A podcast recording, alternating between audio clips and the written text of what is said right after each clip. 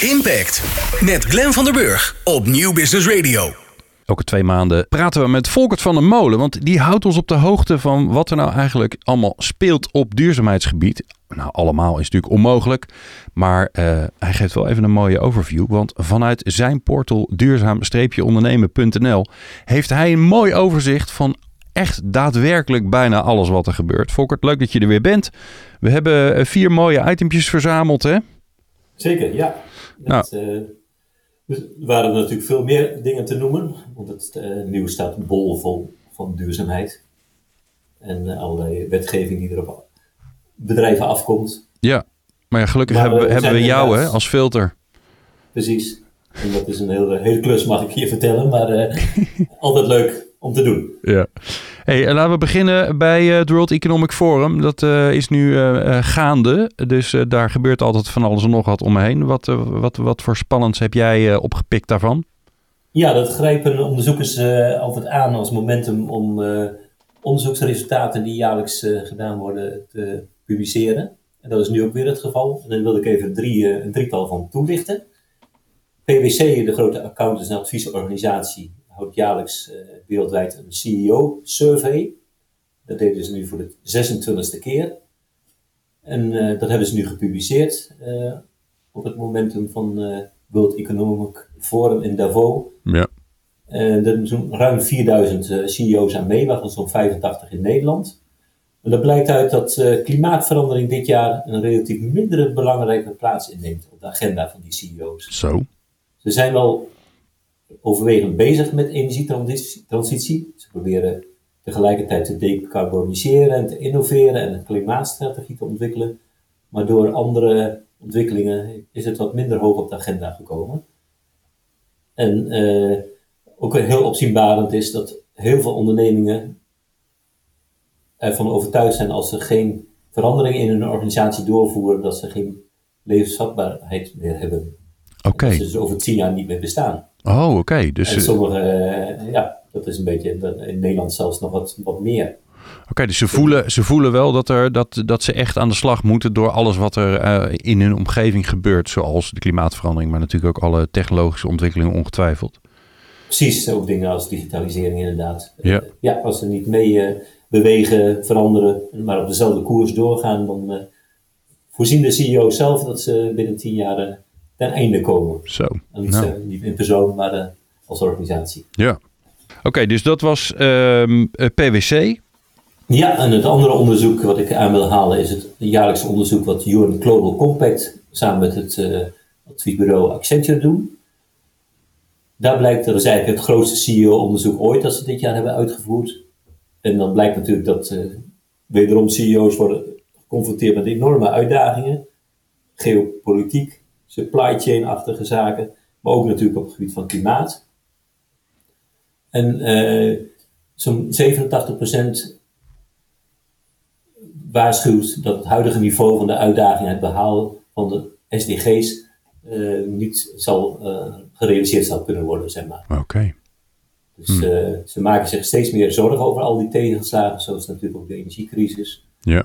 En, en 98% van de CEO's zegt dat duurzaamheid essentieel is voor hun rol.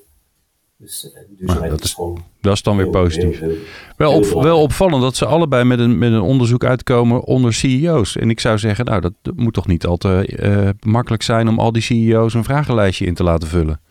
Dat klopt, ja. Nee, dat, uh, en dan ook nog diepte-interviews uh, ja. en dergelijke. Nee, dat is een hele klus. Maar het zijn wel zulke onderzoeken met statuur rond het World Economic Forum. Yeah. Dat, dat, uh, dat ze daar toch wel aan meewerken. Ja. Hebben we nog meer onderzoeken? Dan hebben we de, inderdaad een onderzoek van uh, wat ook jaarlijks gebeurt sinds nog niet al, al te lange tijd. Dat is het uh, rapport van Circle Economy, wat in Nederland gevestigd is, mm -hmm. samen met Deloitte. En die berekenen de circularity cap. En dat publiceren ze in het zogenaamde Circularity Cap Report. En dat is een teleurstellende conclusie dit jaar, dat uh, in plaats van 9,1% in 2018, uh, nu maar 7,2% uh, van de global economy circulair is. Dat houdt in dat van de 100 biljoen ton van grondstoffen, maar 7,2% weer terugkomt in de economie. In de vorm van gerecyclede materialen. En dus minder dan vorig jaar. Dat is natuurlijk, uh, kijk, dat, ja, dat, ja, minder dan vier jaar geleden. Uh, oh ja, minder, ja. Jaar, ja. ja.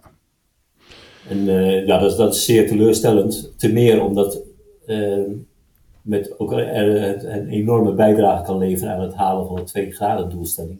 Ja. Als de wereld meer circulair zal zijn en er dus minder grondstoffen, materialen verbruikt worden. Ja, volgens mij moeten we uh, als Europa uh, het als doelstelling om in 2050 helemaal circulair te zijn. Dus dan hebben we nog, uh, wat is het, 93% te gaan. Ja. Maar dit is natuurlijk wereldwijd, maar oké. Okay. Het is inderdaad wereldwijd. Ik denk dat Europa wel iets hoger yeah. afsteekt. Maar het wordt ook in verschillende landen per land bepaald. Ja. eens in de zoveel tijd. Dus het is een, een ander belangrijk rapport. Dus werk aan de winkel. Ja. Nou zijn al die, uh, al die uh, wereldleiders en, en volgens mij lopen er ook artiesten en van, loopt van alles nog wat rond in het World Economic Forum. Die zijn allemaal blij met het vliegtuig gegaan. Ehm, en, en, wij van de zomer waarschijnlijk weer. Nou, ik dan niet, maar velen van ons. Weten we nou ondertussen een beetje hoe, hoe dat zit? Hoe, wat nou die echte prijs is van, van dat vliegen? Ja, dat weten we steeds beter, of dat wordt steeds beter ingeschat, en met name dan de klimaateffecten daarvan. En uh, heel leuk is dat uh, Better Places, ook een B Corp, dus echt uh, een reisbureau wat duurzaamheid hoog heeft staan, samen met het Nederlandse Impact Institute heeft berekend en laat zien wat de echte prijs van vliegen is. En dan blijkt dat er bovenop een ticket van bijvoorbeeld Amsterdam naar Bangkok gewoon 580 euro bijkomt aan de kosten van klimaatschade en luchtvervuiling. Zo. En uh, ja, dat is natuurlijk heel heftig. En dat gaat uh, Better Places gewoon nu ook laten zien ja. uh, op de website. Dan kunnen de reizigers dus voortaan de echte prijs zien van het vervoer naar hun vakantieland. Ja, Better en, Places. ja, interessant om, om dat te bekijken inderdaad. Ja, ja en ze bieden ook treinreizen aan bijvoorbeeld. Dus ze bieden niet alleen vliegreizen aan, maar je kunt dus als als bezoeker van uh, hun website gewoon de keuze maken en uh, inzichtelijk uh, onderbouwd bijvoorbeeld dan kiezen voor de trein naar Spanje in plaats van een vlucht. Ja, dat is wel interessant hè, want ik denk als je je CO2 gaat compenseren op je ticket, dan zul je een paar tientjes kwijt zijn. Exact, als je dat aanvinkt op Ja, en dat, voelt, dat voelt dan goed, maar het slaat dus eigenlijk nergens op. Nee, dat is echt... Dat, een wassen neus. Een onderzoek ja. van, ja, dat klopt, dat is peanuts. Oké. Uh, nou, allemaal dingen waar we. Ik ben een beetje toe aan een beetje goed nieuws, uh, Volkert. Nou, drie Nederlandse bedrijven die prijken in de lijst van meest duurzame bedrijven ter wereld. Dat zijn er honderd die daar jaarlijks in worden opgenomen. Een onderzoek van het Canadese bureau Corporate Knights. Het wordt ook altijd uitgebracht rond het World Economic Forum. En dan staat ASM International op de 33ste plaats in die lijst. KPN op de 44ste en Philips op de 98ste. Oké, okay, oh, die, moeten dus, die Philips moeten opletten, die, die kukelen er bijna af. Die kukelen een beetje, ja, beneden. Ja. Uh, maar uh, ze zijn er natuurlijk nog uh, zeer trots, ongetwijfeld, op het feit dat ze nog steeds in die lijst staan. Want er zijn 6720 bedrijven geanalyseerd. Wow. Dus als je dan in die top 100 staat, is dat gewoon ja, dan heb je het goed gedaan. Een prestatie. Zeker. Ja. Hey, en misschien nog wat nieuws van jou, van jou zelf ook, want... Je hebt natuurlijk altijd het uh, Sustainability Congres georganiseerd. Dit jaar voor het eerst niet, volgens mij. Maar daar is er iets voor in de plaats gekomen, volgens mij. Hè? Ja, ik ben uh, nu betrokken bij de organisatie van het hele grootste Purpose Day. Purpose Day XL, met als thema The Road to Net Positive. Dat zal op 18 april in Spant in Bussen plaatsvinden. En dat heeft een hoogwaardig podium, mooie line-up met onder andere Paul Polman. Hm. En Ruud Veltenaar en raad van bestuurslid van Deloitte. En uh, nog wat uh, mooie, interessante sprekers.